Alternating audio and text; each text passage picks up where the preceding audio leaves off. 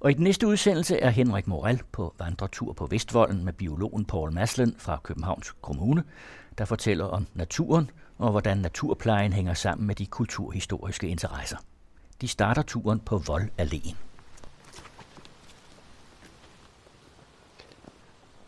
Det er en del af Vestvolden også, den her allé. Oh, ja, netop. Altså, den her hedder Vold Alléen. Det var så den store kommunikationslinje, som var jo bag volden. For at uh, sikre, at uh, både trupper og artilleriet kunne flyttes langs volden for at forsvare den, hvis fjenden skulle komme. Det så en af de, den sidste stykke hen imod byen. Så den er hele vejen ned fra Uderslev Mose og ned til øh, Køgebugt? Det er nemlig rigtigt. Der er, hvad skal man sige, et sted mellem 13 og 14 kilometer strækker forsvarsværket hen. Vi er, skulle faktisk lige forsvinde ned i selveste forsvarsværk nu. Vi går hen imod det, som hedder en dobbelt kaponier.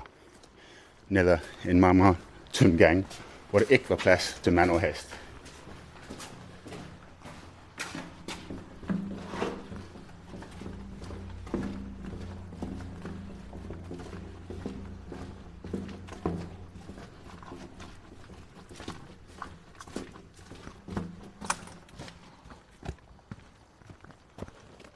Og så kommer vi ud til selveste voldgraven. Og vi står foran det, som hedder en dobbeltkapinier, som var en af de praktiske forsvarselementer på, på selveste Vestvolden. Det er et meget fix uh, øh, anlæg forstået på den måde, at hvis fjenden ankom fra ydersiden af København, kunne man overhovedet ikke fornemme, at den her var jo et forsvarsværk. På den anden side ligner det bare en grundværk, som svarer til de andre grundsider langs voldgraven selv. Men skulle fjenden være i stand til at komme ned i selveste voldgraven, var det åben for en rimeligt uh, kraftigt beskydning fra selveste dobbeltkapinæren. Og her havde de uh, datidens maskingevær, som hedder en matrøs, men så havde de også nogle rimelig hurtige skudende kanoner. Og uh, deres træfprocent under de øvelser, som de lavede efter voldvatten, voldgraven var færdigt, var omkring op til omkring 96 procent efter to minutter. Så havde det nogensinde været i brug, havde det godt nok været rimeligt effektivt. Um, du kan se her, hvad der egentlig skete med Vestvolden. Fordi som sagt, da den først blev lagt, lignede det jo et stort græsareal, som vi er begyndt at komme tilbage til overste. Men helt rundt om er det helt vokset til med selvsort bevoksning. Og det er simpelthen det, der skete langs helt Vestvolden. Og det har betydet, at um, det er jo meget lidt af de oprindelige beplantning og bevoksning tilbage. Og det er lidt ærgerligt, fordi den var faktisk hjemme til utrolig mange arter. Det er den stadigvæk, men den risikerer at gå til på grund af tilgroning. Man regner faktisk op til omkring 400 forskellige plantearter langs Vestfolden. Og uh, den skyldes øh, um, dens oprindelse, for det var et relativt ung økosystem. Og dengang den blev lavet, den lå lige op ad den altså A-jord, hvor der var jo nogle forskellige arter, også sådan der pionerarter, som er gode til at vokse på nogle relativt bare jord. Så når Vestvolden blev anlagt, var det jo en hel masse potentielle voksesteder for rigtig mange planter, og jorden var i sig selv rimelig godt. Den indeholdt utrolig meget kalk, som gavner altså mange, mange af de sjove. Så der kom hurtigt utrolig meget bevoksning til. Senere hen i sin udvikling kom der hus og have omkring sig, og den modtog sin egen forskellige arter. Altså simpelthen arter, som blev slæbt ind af mennesker for deres egen have. Nogle af dem er faktisk simpelthen gået hen og blevet et kæmpe problem. Der er det dem, som vi betegner som invasive arter. Især her på Vestvolden døjer vi med en, som hedder guldenris, som er en meget populært haveart. Og så har vi også en, som hedder japansk pilort, som er jo øh, en meget, meget sjov og kraftig sag, som er faktisk i stand til at øh, ødelægge selveste bygningsværker. Så som folk har jo uh, slæbt hjem, fordi de synes, det var sjovt og kønt dengang. Men øh, nu graver sig ind i deres haveskur, så det er muligvis en anden mening. Så når den er desværre blevet slæbt hen med havaffald, er det så desværre at få sig fuldt fast herude. Så de bliver bekæmpet i, i stor grad her pt. Vestvolden blev nemlig um, passet frem til 60'erne med høslet. Og den betyder jo, at mange af de her arter, som vi snakker om, som kommer fra A-jorden, de kan blive ved med at, at klare sig. Men senere hen er det jo kommet mange af de her selvsårede træer, Og det har ført til, at mange af de tidligere arter, som kræver de her lysåbne natur, de er simpelthen gået til. Til gengæld så har det her tæt skov resulteret i, at der morkler, mørkler, ja, morkler, tak skal du have, har det jo meget godt herude. Og um, der findes ja, mange forskellige morkler herude, som er altså ret sjældent. Uh, nogle hattemorkel og rung, en runket morkel findes også herude, hvis jeg mener det rigtigt.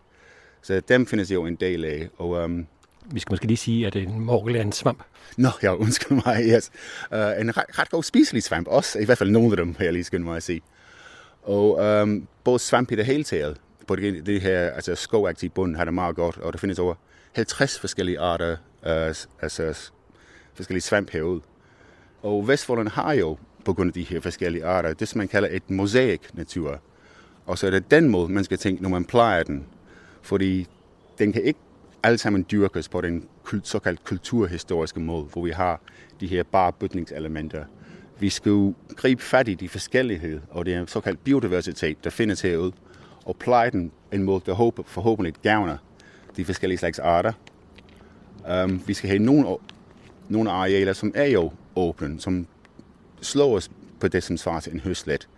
Så vi kan få nogle interessante arter som pilealand, hvis man er heldig. Det er et meget flot ord.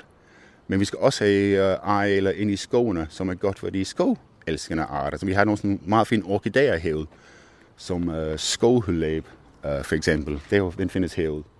Og uh, ligesom alle orkideer, den er for eksempel fredet, så den skal vi også finde en måde at passe.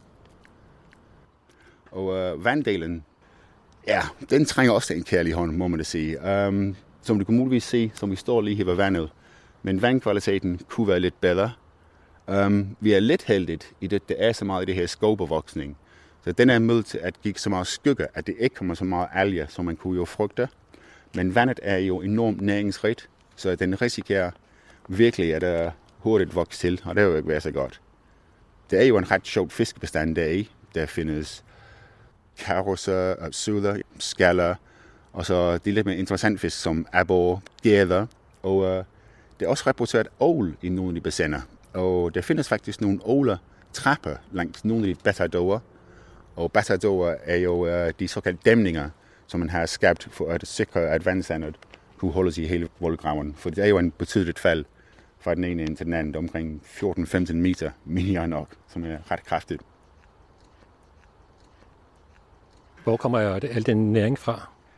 Ja, men vi har et problem, at vi ligger jo i en opland til mange bebyggelsesområder. Øh, og før i tiden har man været ikke så, ikke så godt at skille mellem kloakvand og, og regnvand. Og det er simpelthen fortidens synder, vi døjer med. Vandkvaliteten bliver bedre, stille og roligt, men det er jo et problem, det er jo svært at komme af med, og det er enormt dyrt, hvis det nu skal være.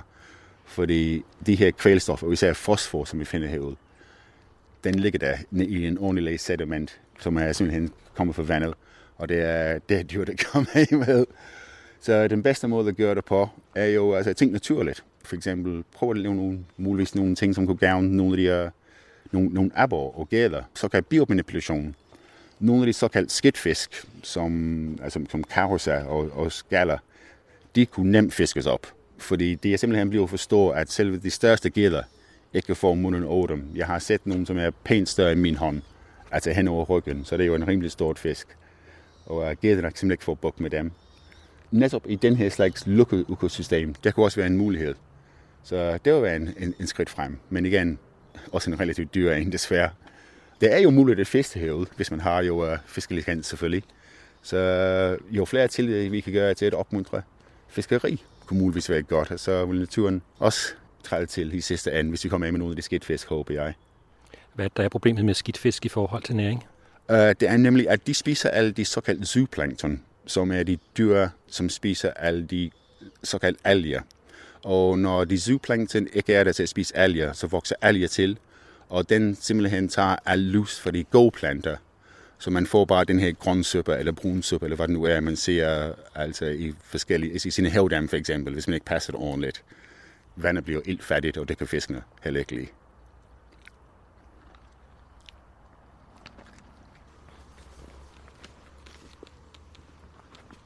De her brumbær, er det også noget, der oprindeligt...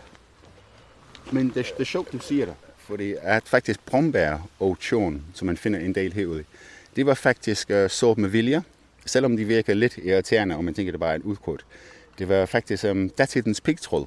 Når man skal lave de her såkaldte biologiske pleje, og man skal tænke, fint, vi vil rønne, altså fjerne bare alt det her tjern og udkort og brunbær og hvad ved jeg. Så det er faktisk heller ikke så godt med hensyn til det kulturhistoriske, så man skal også vælge, hvordan gør vi det her, og så er vi tilbage til den her mosaik. Og det sjovt at alt det her krat, er jo, at den gavner alle småfuglene.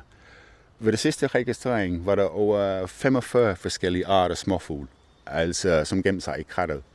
Uh, selvfølgelig alt altså nogle af de, altså ganske almindeligt nogle selvfølgelig, men der var også, ja, ja nogle af de sjove så var guldvipstjert, kardamin dompap, guldbuk vil også findes herude. Så altså, det er virkelig nogle for de fugle interesseret herude, hvis man virkelig kommer ud og giver den øje.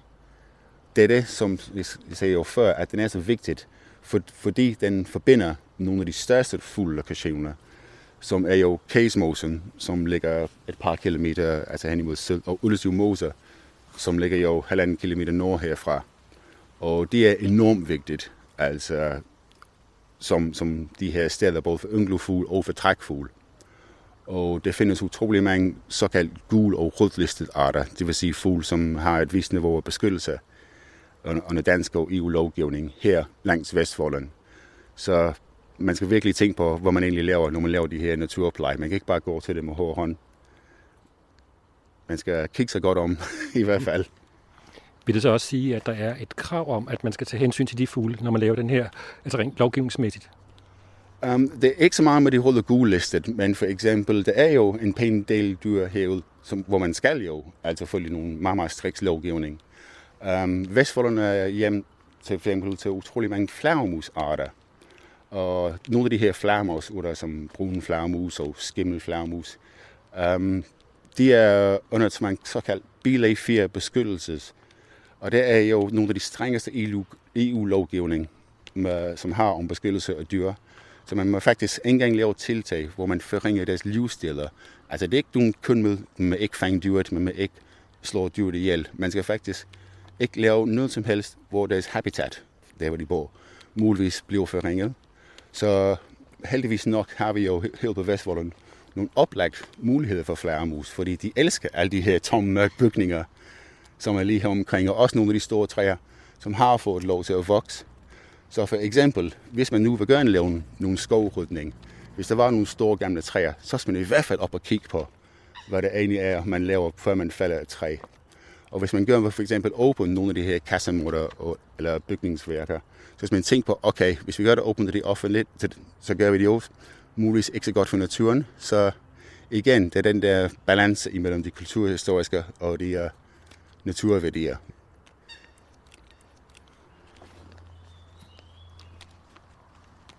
Vestfoldland er jo altså, rimelig unik. Altså, det er den største fæstningsværk i hele Nordeuropa. Så på den måde, altså, og, og, og den har nogle vildt åbne, fantastisk sjove steder at, at tage ind og eksperimentere um, og kigge omkring. Jeg har husket for eksempel, jeg mødte en dame her forleden, som strålede glad, fordi hun kunne se, at vi ville gå i gang med at øh, rydde nogle af de elementer, altså for nogle af det her selvsøgbevoksning, som vi snakkede om. Fordi hun kunne godt huske, dengang hun var barn, så gik hun selv og legede ned i det her bunker. Og bare tanken om, at børn kunne nu pludselig komme til de her elementer, det var fantastisk for hende. Men den er også faktisk god med hensyn til naturpleje. Fordi de her selvsåede bevoksninger, de var det ikke i forvejen.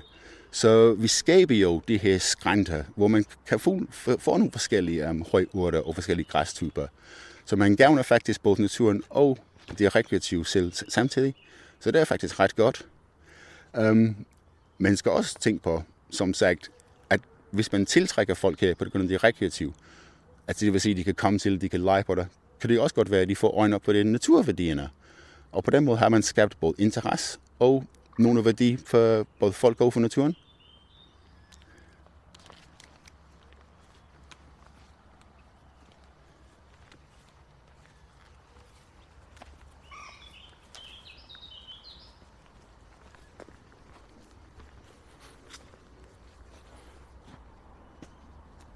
står vi og kigger ned på vandet, og man kan da i hvert fald godt se igennem vandet her. Som sagt, altså vandets kvalitet er jo altså, rimelig svingende. Uh, vi er så heldige, at der er så meget skygger. fordi det betyder, at det kommer ikke lys ned til de næringsstoffer, som ligger i vandet og som ligger i sedimentet. Så på den måde er, vi rimelig heldige. Til gengæld ville det være godt, hvis der var langt mere strøm igennem, fordi det vil betyde, at uh, nogle af de potentielle næringsstoffer vil blive flørende. Men uh, som sagt, den er ikke så dårligt endda. altså, den, den kunne være videre, og som sagt, vi, uh, vi døjer med fortidens synder.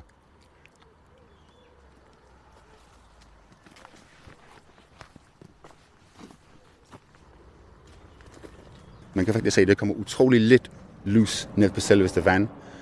Vi har omkring 14-15 meter over voldgraven, men det er kun en lille halvanden meter strækning, hvor der kommer selv lys ned på vandet. Så det er på den, på den måde meget, meget heldigt.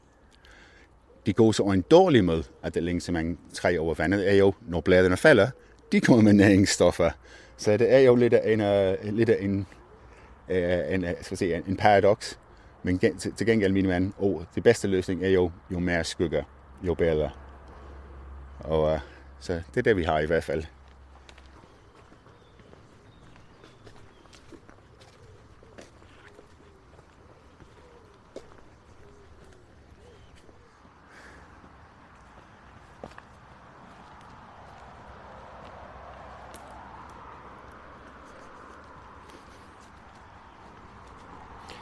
Vi nærmer os så Frederikssundsvej. En ret befærdet vej. Og der er sådan en bro, der fører ind under Frederikssundsvej. Øh, hvor vandet det ser ud til frit kan flyde. Det kan den nemlig. Men øh, til gengæld har vi altså her en af problemer på Vestvolden. Det vil sige, at den er jo skåret midt over på nogle af de største trafikerede veje i København. Men den er omkring, der skær nødvendighed. Det kan være dejligt med nogle fauna-passager og hvad ved jeg, men uh, det er vist nok uh, kun en tromboscenarie, må man det sige. Som sagt, det er nogle rimelig store veje, vi har at gøre. Til gengæld er det jo den her vandsammenhæng, så det er jo meget, meget vigtigt. For mange af de arter kan jo bruge vandet. Og som sagt, mange af de sjove fuglearter og flagermusarter, de kan godt tåle at komme over vejen, når det samme gælder insekter.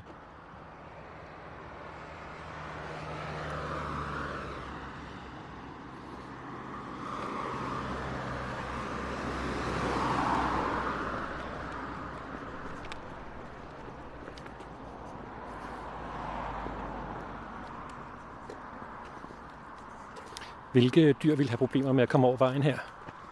Uh, pindsvin for eksempel. Der er pindsvinbestand i Danmark er desværre uh, i hvert fald i tilbagegang. Um, om det skyldes folk har simpelthen fornyet lidt have, og ikke givet have nogle store bunker grøn liggende hest og pest, jeg ved ikke hvad, og de bruger for meget gift, eller hvad ved jeg. Et pindsvin vil have, i hvert fald er det meget skidt der. Reven, det siger sig selv, de er også rimelig sårbare, især når bestanden i Danmark er jo så relativt lige i forhold til det var nu, har jo været. Man har også reporteret har øh, på Vestfolden, og især nede omkring Mosen. Padder. Men heldigvis nok var det jo et vandsammenhæng, må man da sige. Men en padder vil i hvert fald være oplagt til at blive øh, kørt ned der. Og øh, snow findes der også ude på Vestvolden. Jeg har selv set en snow på omkring 4 cm her til i år. Meget flot lille sag, synes jeg. Og de vil også være rimelig kædede, hvis de skal møde en øh, uh, Ford Mondeo, eller hvad ved jeg. Og de vil tage turen over vejen og ikke øh, det banddelen. Klart. At, at, at det vil i hvert fald være en, en risiko.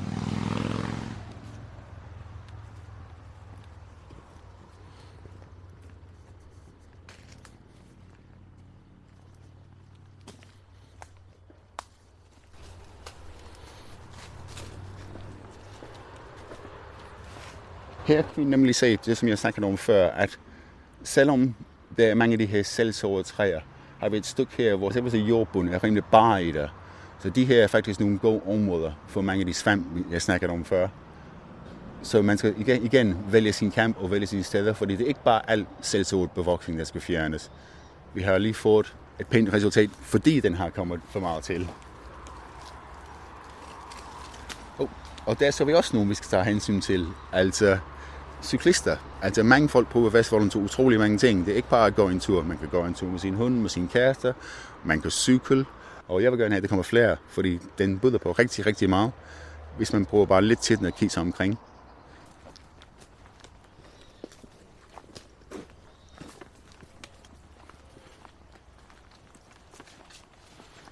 her kan man også se en af de ting, vi går meget op i, at når vi så er nødt til at falde nogle store træer, så får i hvert fald utrolig meget træer lov, lov til at ligge dødt vel, som man kan se her i hjem, så utrolig mange spændende ting. Vi har nogle gode svampearter kommende her, og galt for mange insektarter, det var vel ud, hvis, hvis man bare sparker lidt til, til stammen.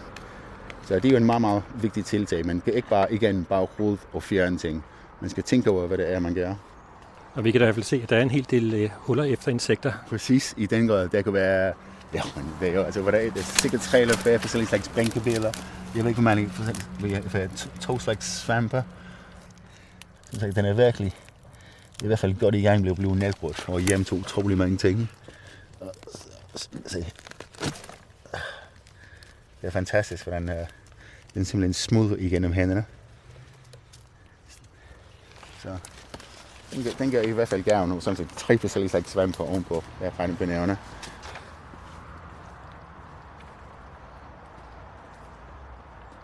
Snebær. Klassisk haveart. Kæmpe problem. Tro det eller ej. Man ved, man tror det faktisk ikke, men det er simpelthen, det er begyndt at få fat. Og øh, den spreder sig utrolig godt.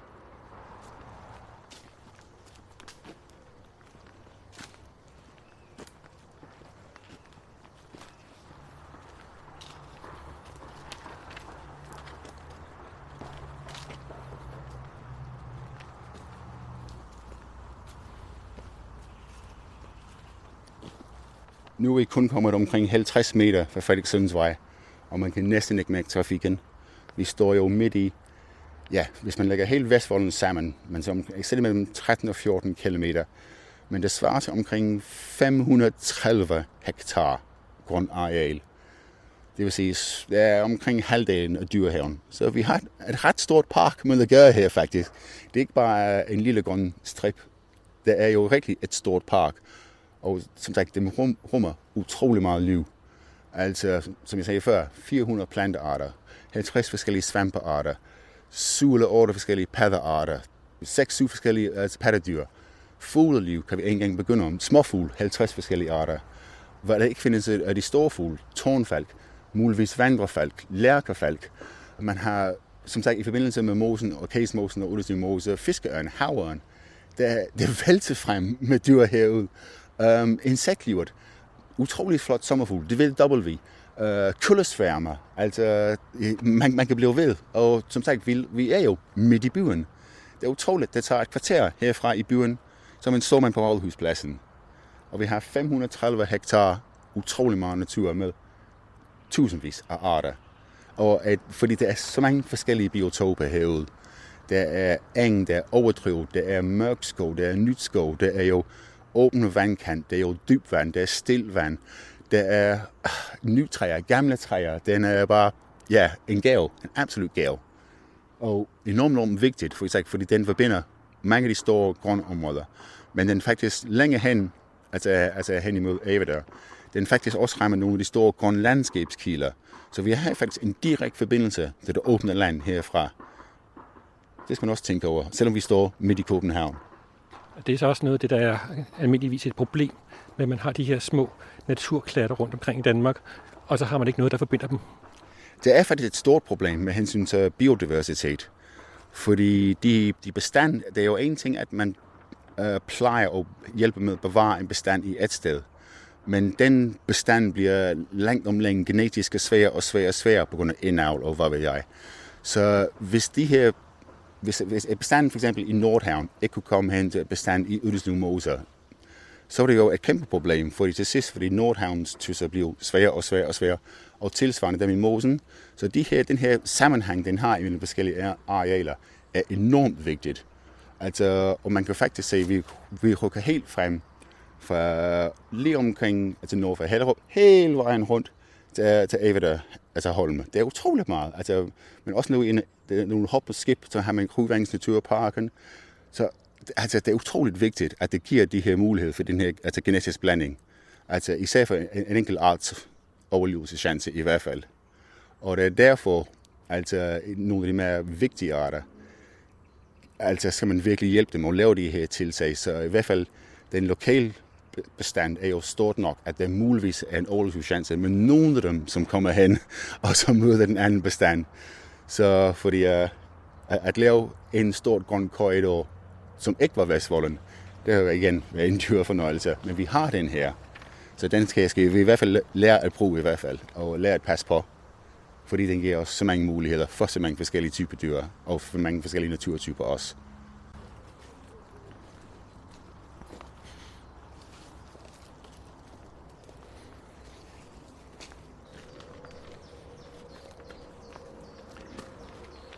Så går vi op ad en trappe og kommer op på den ene side af Vestvolden, den der ligger ind mod København.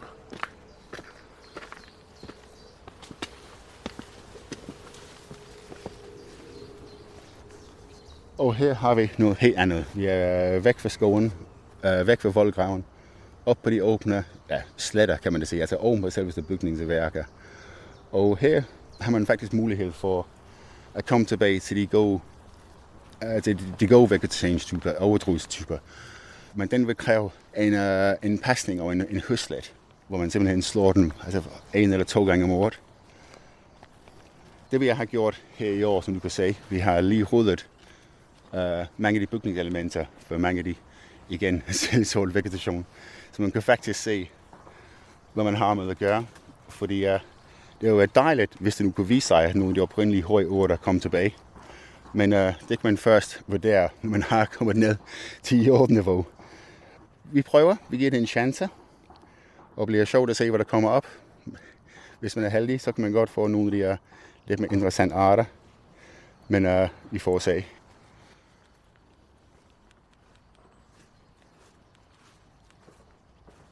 Mange steder i Danmark, så er der jo det problem med kvælstofsforurening, sådan at øh, græsser har alt for gode muligheder. Hvordan er det så herinde i København? Ja, well, altså man skal, man skal huske, at København har jo uh, utrolig mange haveejere, som er utrolig glade for deres jord, og de har ikke særlig meget der. Så de vil gerne få det mest ud af det.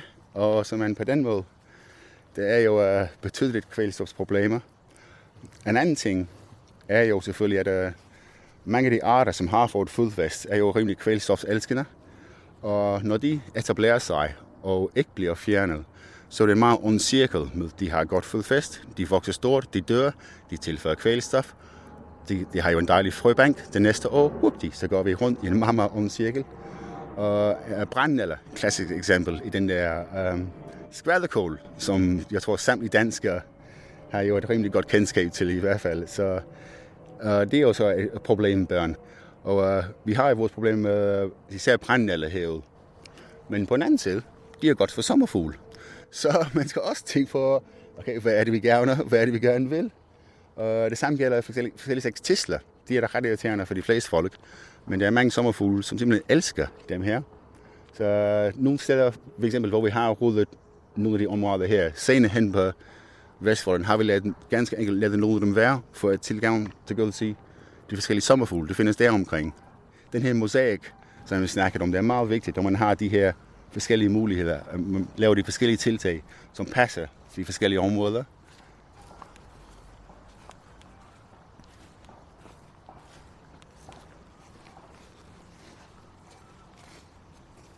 Som sagt, vi lever i nærheden af Ødelslev Moser, og der er det jo en enorm gåsebestand. Ja, et voldsomt stort gåsebestand, må man da sige. Hvis man ser på, som sagt, som jeg nævnte før, vigtighed af Vestvolden, fordi den er nærheden til nogle af de her steder. Ødeslev Mose er jo enormt vigtig for utrolig mange forskellige trækfugle. Det er gåsen, som er lidt taget overhånd. Hvorimod i især i 70'erne var jo Ødeslev Mose kendt for et kæmpe stor hættemo-bestand. Og for du som en hættemo-bestand er jo, at den giver lyd og et sted at bo for nogle af de lidt mere interessante fugle, som fjordtørne, og og til muligvis endda rovtørne. Så det var godt med en hættemåbestand, øh, eller også plads for eksempel til sorthåret må, for eksempel. Men øh, nu at gåsen har stort set overtaget mosen, bum bum, så er det jo lidt anderledes derude. Så øh, det er, ja, ting ændrer sig, naturen ændrer sig. Der, gåsen har vist nok fundet en plet, som passer godt til den. Den er rimelig glad for alle de boldbaner med nogle dejlige krog og klippet græs, hvor det kan bare gå til. Så den har simpelthen fundet, fundet sin plads. Altså naturen ændrer sig det er jo øh, en del af dens udvikling. Og det er sjovt, ligesom, ligesom Vestvolden har ændret sig, med alle de forskellige arter, som har stille og roligt indført sig. Det var ikke en eneste af de her træer her, som, som var her i de første 50 år, efter Vestvolden blev bygget. de er altid bare stille og roligt finder sig vej herover. Og nogle af det nogle rimelig praktiske eksemplarer, hvis man kigger. Altså især langs Vodderlagen, de var til gengæld selvfølgelig på plantet, men altså herop, det var ikke, alt det her bare kommet fra naturens hånd. Skulle der være mulighed for at skyde heropfra? Altså, der skulle være frit? Nej, um, det, det der egentlig var sket, altså vi går op på den øverste del af volden, men lige på vores, på det inderste side af volden, er det nogle små udgravning, man kan se. Altså her er det jo ikke helt til men var lidt et par hundrede meter længere hen, kan man se, der var nogle små indgravninger, hvor der var placeret nogle forskellige artilleristykker. Og de havde også nogle flytbare artilleristykker, så man kunne flytte fra den ene til den anden til den tredje øh, hul, hvis det nu skal være. Så det var forskellige muligheder. Men øh, mange af de øh, huller har også nogle andre funktioner, som, som magasiner, eller senere hen til øh, altså batterier og for den til generator, og øh, hen igen til projektorer.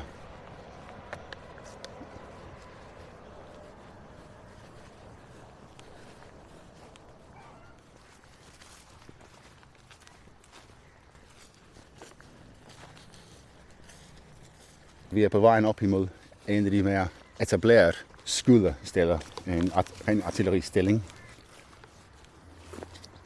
Og det sjove ved de selveste bygninger er, deres grundplan virker ikke at give nogen som helst form for mening for en, som ikke har jo forståelse på de krigshistoriske funktioner. Men når man faktisk læser sig til, hvorfor de ligner og ser ud, som de faktisk gør, er ret, ret sjovt. Um, vi tager en lille tur ind i.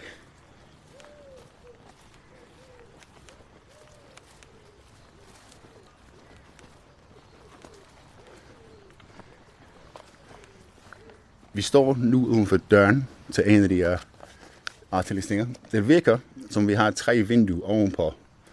Men du, når du kommer ind i, vil du ikke se nogen tydelig forbindelse til de her vinduer. Men det der er egentlig grunden til det, er jo, at vi, vi går ned i, i magasinet, der hvor alt krudtet bliver opbevaret. Og så den bagefter skulle hejses op til de her døre, vi kan se op på den niveau over på os. Og derfra løftes i håndkraft over til stillinger, som vi ser over på side af den overste, hvor man har jo sin kanon. Så hvis du vil lige hoppe over, over vandet,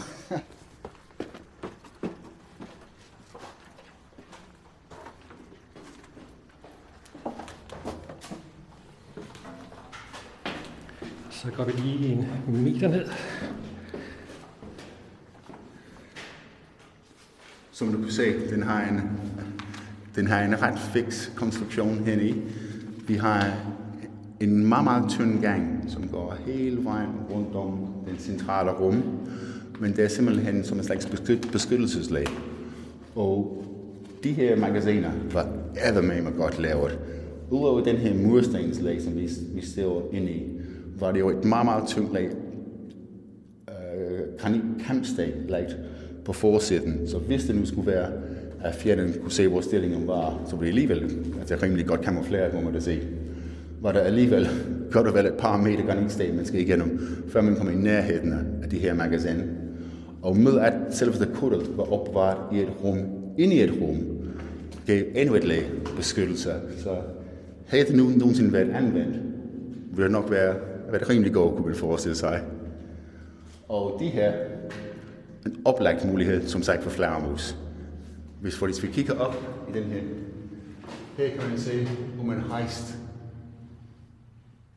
de uh, forskellige altså kuttet op til kanonerne. Og de her lange svalegange kunne være perfekt, perfekt sted for flagermus. Er det sådan en konstant temperatur? Den er der rimelig konstant, må man da sige. Altså, det er jo uh, rim, rimelig køligt det her hen om vinteren, men hen over sommeren er det på den her. Altså, vi er godt nok omkring de 25-28 grader udenfor, vil jeg nok mene i dag. Og herhen har vi en dejlig, dejlig temperatur Ja, hvis man, hvis man har en vinsamling, og man bor på Vestegnen, så ved man, hvad man skal gøre med den.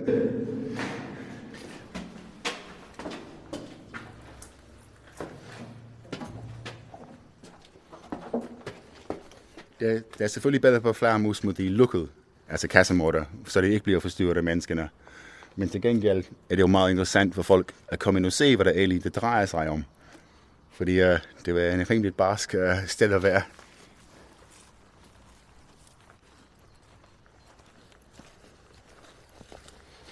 Du snakkede før om fisk. Ja. Men der er også padder. I, i den grad. Der er faktisk så utrolig mange forskellige padder. Der findes, uh, det er rent frøfamilien, har vi jo uh, butsnudefrø og uh, spidsnudefrø, som igen er en af de her arter, som jeg nævnte før, som er så, så specielt, at den uh, har den her meget, meget streng habitat bilag 4 beskyttelsen. Det er en dejlig art. Og så har vi også uh, stor og lille vandsalamander, som er to ud af de tre salamanderarter, der findes i Danmark. Og øh, salamander, de er jo en fantastisk dyr i min optik. Det er en meget, meget, meget, meget, meget smuk dyr, og øh, er et rimelig godt tegn på uh, vandkvalitet. Så at vi har været så heldige til at finde nogle af dem, er det jo et tegn på, at vandkvaliteten er blevet, blevet, bedre. Så uh, dem vil jeg også gerne lave nogle tiltag til, hvis det nu skal være. De har det meget godt omkring nogle af de bygningselementer, som den jeg viste første gang, den dobbeltkappenier, der hvor vandet bliver lidt lavvandet. Så man, når man laver de her tiltag, hvor jeg siger, at jeg kan have mere gennemstrømning, Yes, men der skal også være plads til nogle lavvandede områder, for så padder har det godt. Så igen, man skal lige vælge sin vej frem og tænke, okay, jeg kan ikke bare gøre det her. Jeg skal gøre det her, som passer til den her, og passer til den her, og passer til den her. Og hvis man er heldig, så får man det hele op i en højere enhed, og så gavner man flere forskellige arter.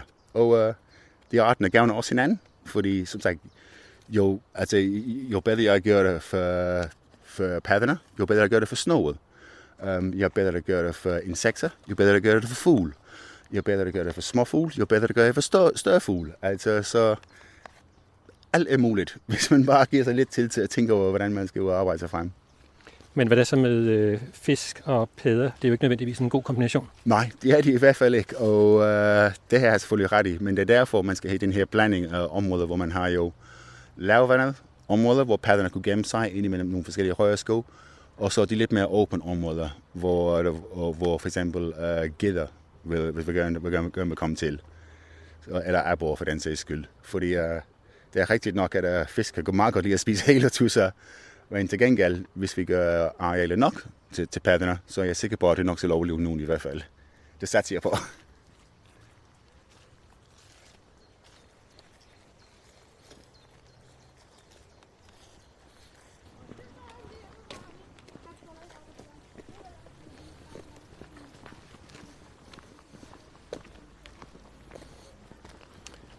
Vi er så ved at gå igennem Vestvolden en sti. Det vil sige, at der er blevet gravet en, øh, nogle stier igennem selve volden. Det er det nemlig. Som sagt, det er den, altså, volden gennemskæres af flere forskellige steder langs nogle af de, altså, de største trafikveje. Men det er til gengæld nogle af dem, altså rimelig, i hvert fald de fleste af dem rimelig originale. forstår på den måde, at man var jo opmærksom på, at det skulle være en del trafik dengang. Det er ikke en en jomfruelig enhed, som man har skåret igennem, stå på den måde. Og det er også meget vigtigt, for det gør simpelthen naturen tilgængeligt for folk at komme ned og se den. Fordi det er jo en ting at passe naturen, men vi også gerne have folk, som kommer ud og nyde den og virkelig lærer af den. Så. Og så står vi ved vandet. En lille bro over volden, hvor banen ligger. Og en lidt større bro til fodgængere og cykler. Og vi kan også se insekter dernede. Ja, der er nogle fantastiske vandnymfer. Der findes omkring, der blev observeret omkring 10 forskellige arter guldsmæld øh, langs Vestfolden. Så det er i hvert fald rigeligt at se. Dem de er bare almindelige vandnymfer, for den er dejlige blå farve. Men er, vi, altså, selvom det er i går øjne bare en almindelig vandnymf, er det jo et fantastisk flot dyr. Bare den måde, den bevæger sig, og den farve, de har. Det er jo rimelig eksotisk, vil man sige. Ikke? Men her vi er i uh, lille Danmark, midt i København, og det er et fantastisk flot dyr på den måde. Nu kan jeg ikke komme med om, hvor nøjagtigt hvor mange det er, men det er i hvert fald uh, en pæn stor procentdel. Og det er simpelthen, fordi der er så meget variation herude. Um, vi har både nogle steder relativt stille vand, nogle steder relativt godt flydende vand. Og vi er i nærheden af to enormt flotte naturområder. Og de her guldsmætter, de, de følger vandet. Altså, de, de, de her det er ligeglad om, at det står jo om, om den ene eller den anden adresse på. Altså, de følger bare Vestvolden hele vejen langs.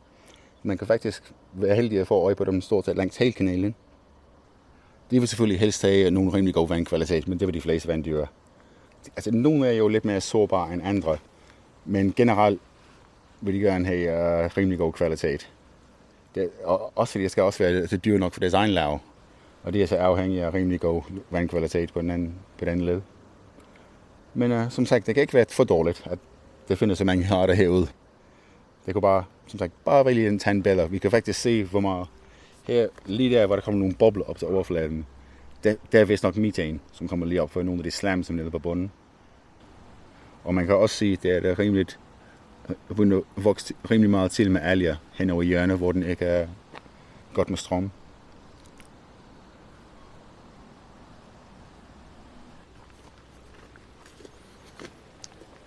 Og vi er så kommet op på den anden side af vandet.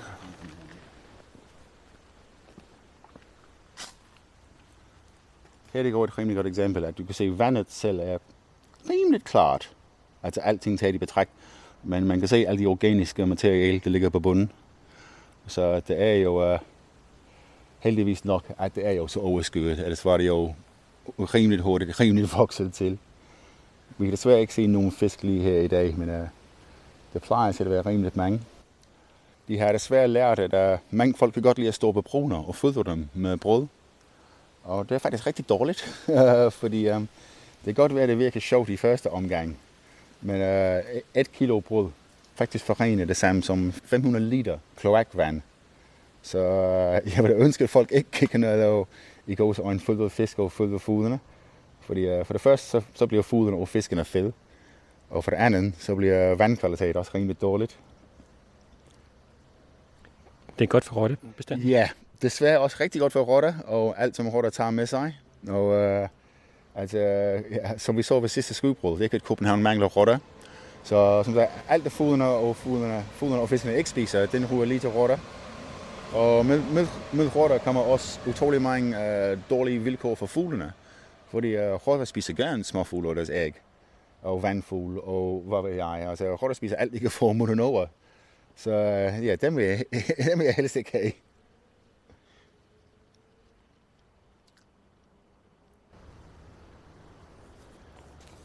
Det vokser for eksempel utroligt lidt animal på overfladen, hvor det var oplagt, hvis det var jo bedre sigtbarhed for, for solen, har man at sige, hvis det var, hvis var mindre skygger.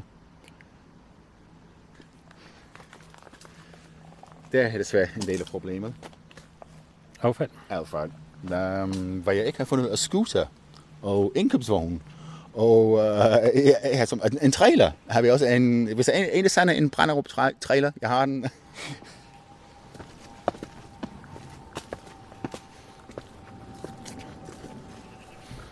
Er det så noget, der bliver fisket op af Vestvolden?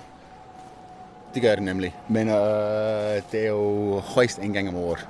Fordi altså, det er jo rimelig besværligt både få en båd ned i vandet og så op i ned. Fordi det er jo, at man skal op ned og op på det. Man kan desværre ikke sejle under, fordi det er alle, alle de her batadorer, hvor niveauet falder utrolig meget. Så, men det sker bare ja, rimelig sjældent.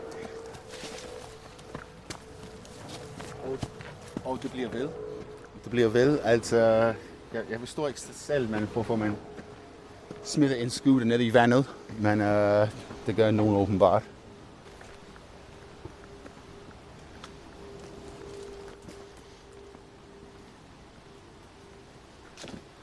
Altså nu er vi oppe på den øverste del af den, for, af den forsiden af volden, den ud mod fjernen. Og her var der så en af de første forsvarslinjer, må man da sige. Det var det første forsvarsværk, som fjenden har mødt. Men den er ikke nær så voldsomt stort eller imponerende som den indre, indre del. Det var jo efterhånden selveste voldgraven, der skulle gøre det meste eller arbejde. Den er som sagt 3,5 meter dybt i midten. Og det meget fiks med den 3,5 meter dybt er jo, at øh, der, er faktisk kun 2,5 meter dybt for de første øh, 3-4 meter. Men helt hen ved midten har man gravet en lille rand med en ekstra meters dybde. Så når man er kommet helt vejen derud, så får man en ganske ubehagelig overraskelse. Så øh, det var, det var meget smart lavet dengang. Her har vi også en helt anden slags skovbevoksning. Hvorimod over på den anden side, det var alt det her bare jord. Herover kan du se, at det er virkelig kommer til. Og rent biologisk er det ikke så interessant, der hvor vi står lige nu. Det var så kræve en lidt større indsats, hvor man virkelig kan give dem træner.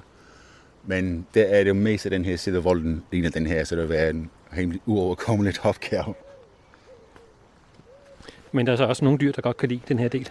Absolut, absolut. Igen, fordi um, som sagt, som jeg nævnte før, at uh, pindsvinene, rev, de vil da meget gerne have, at det her er rimelig godt, rimelig godt vokset til, så det er ikke nogen problem der. Agen har der også umærket godt herover. Vi har der er lige en flot sommerfugl, som lige herover. Der, der findes en, del, en pæn del piletræer herover. Og der er flere forskellige sommerfuglarter, som elsker piletræer. Det er jo altid noget... Igen, vi kommer tilbage til den her mosaik. Der er så mange forskellige biologiske nicher herude. Nogle enormt flot store træer, som vi har lige her. Det er oplagt flagermustræer, hvis man kigger højere op.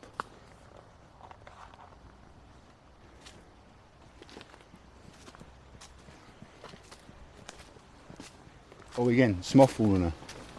Det var fantastisk for dem lige herude. Her er det i rimelig sikkerhed.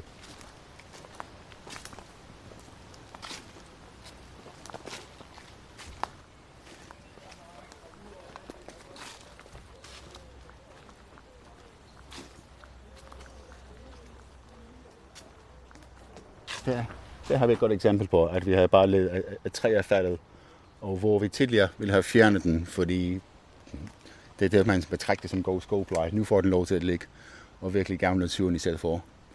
Folk kan også få en vis forståelse på, at det er ikke fordi vi ikke gider fjerne ting, men faktisk gavne naturen, at uh, de her store stykker får lov til at ligge. Altså, så det er faktisk meget, meget vigtigt.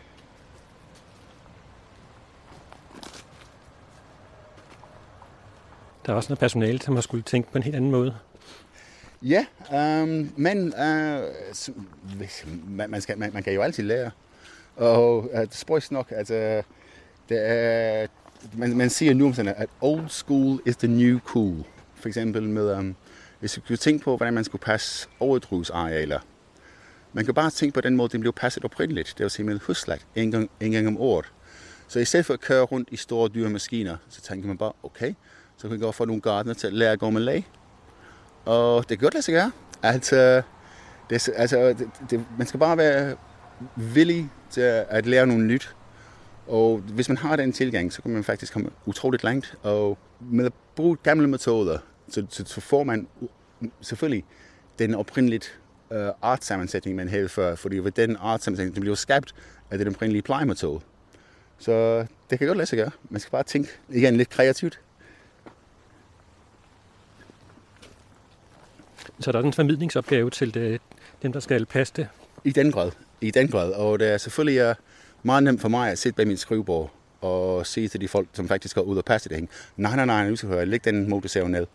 Det kræver virkelig, at man, man er virkelig selv med til at vise, hvorfor og hvordan og hvorledes og forhåbentlig den interesse, som man selv har, fordi det har jeg, ja. altså jeg brænder selv for naturen og naturpleje.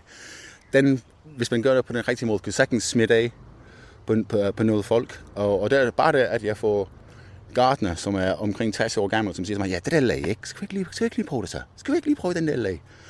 Fantastisk. Altså, det er, jo, det er jo dejligt, fordi de kan se, at det, det, det, jeg sidder ikke med en fix i dag bag et skrivebord. Jeg kommer ud, jeg snakker om det.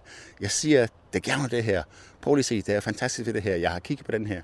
Jeg har hørt nogle folk prøve det her. Hvad synes I? Har, har I også nogle gode idéer? På den måde, man får en, en dialog om og den interesse, som man selv har sået i deres hoved. De kan godt forstå, hvad det er, hvor man er på vejen hen. Og så på den måde, ja, man får indført de her nye, i gods øjne gamle metoder. Så det kan være godt at sig gøre.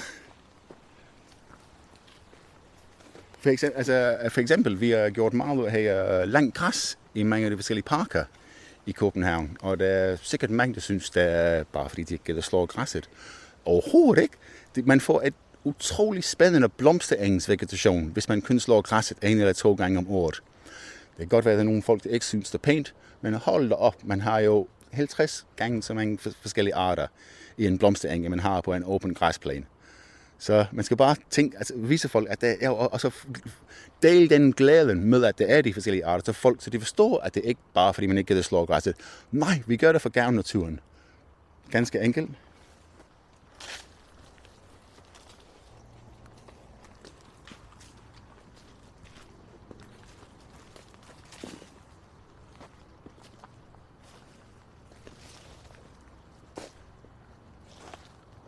Igen, en af de dilemmaer, vi har.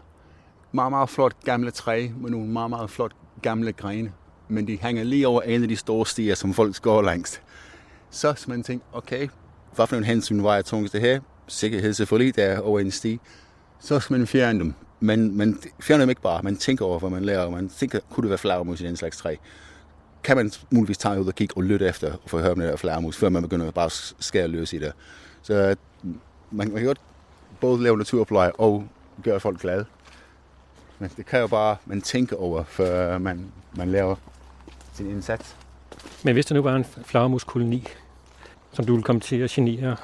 Så, man, altså, så kan man ganske, ganske enkelt skære træet på et senere, senere tidspunkt. Det er ingen garanti for, at de bruger det samme uh, sted til næste år, for eksempel. Og hvis det var jo, altså, selvfølgelig hvis det var jo meget affald, hvis træet ved at falde, så må altså, sikkerhed komme først. Det er jo ikke nogen tvivl over det. Men man vil så, så, mest muligt tage hensyn til, til, til flagermuskoloni. Og man kan sagtens også lægge, altså lægge et træ ned, uden at flagermuset dør. Det, det, det, er lidt indviklet, men man kan, det kan godt lade sig gøre.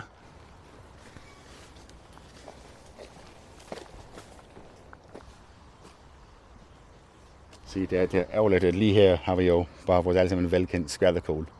Der er mulighed for en god skovbund her i, men øh, den er et fat, fordi den er, jorden er jo er simpelthen så god kvalitet. Det er god landbrugsjord, det bliver bygget. Ja, ganske enkelt. Altså utroligt. Og det var, det var også derfor, at det kommer så mange af de her gode arter. Når, når det blev anlagt, det var bare et, et tabula rasa med, med god jord ovenpå, og det var en frøbank, der siger bare ja tak, og så var der bare jo masseindvandring. Det var virkelig bare et stykke, var ingen ombord der, og fantastisk god jord, så planterne væltede bare ind, som er fantastisk, må man da sige. Øh, så det var, det var ærgerligt, at den der begynder at overtage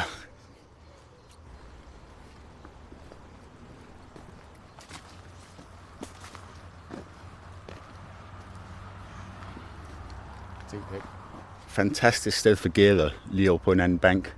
Der med den der overhængende træ, som danner de her, de her, de her bagholdsangrebs. Gælder, når de tager ind på fisk. Så den kan bare gemme sig der i og vente, og så pludselig, wham, så kommer de ud. Fantastisk sted derovre. Så hvis man fisker gælder, kig på det. Her har vi nogle af de oprindelige tjerne træer. Som sagt, det var jo nogle af dem her, som blev plantet med vilje. Så selvom de går så lidt irriterende, med, med naturpleje, er det jo nogle af de uh, altså kendetegn og service af Vestfolden, så de skal også få lov til at blive. Især når der er nogle eksemplarer som den her, i stedet for nogle af de, uh, de småtteri, vi har set i løbet af dagen. Vi har godt og vel ja, 8 meter op til toppen af den der, så det er ret flot.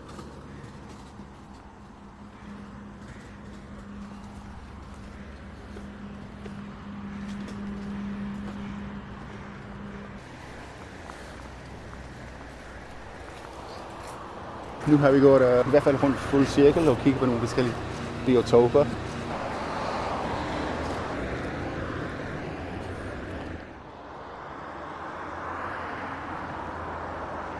Og det er rimelig godt til flodkrebs lige derunder. Uh, spøjs nok igen, nogle af de her, øh, der hvor det bliver lidt stille, og der er lidt overhæng, meget godt for flodkrebs. Som har det dårligt faktisk. Den, er, den har der virkelig skidt på grund af nogle, nogle invasive arter. Der er en, som hedder uh, signalkrebs, og en, som hedder en galasisk krebs, men jeg nok, den hedder. Men de er simpelthen uh, ved at udkonkurrere vores egen europæiske flødekrebs.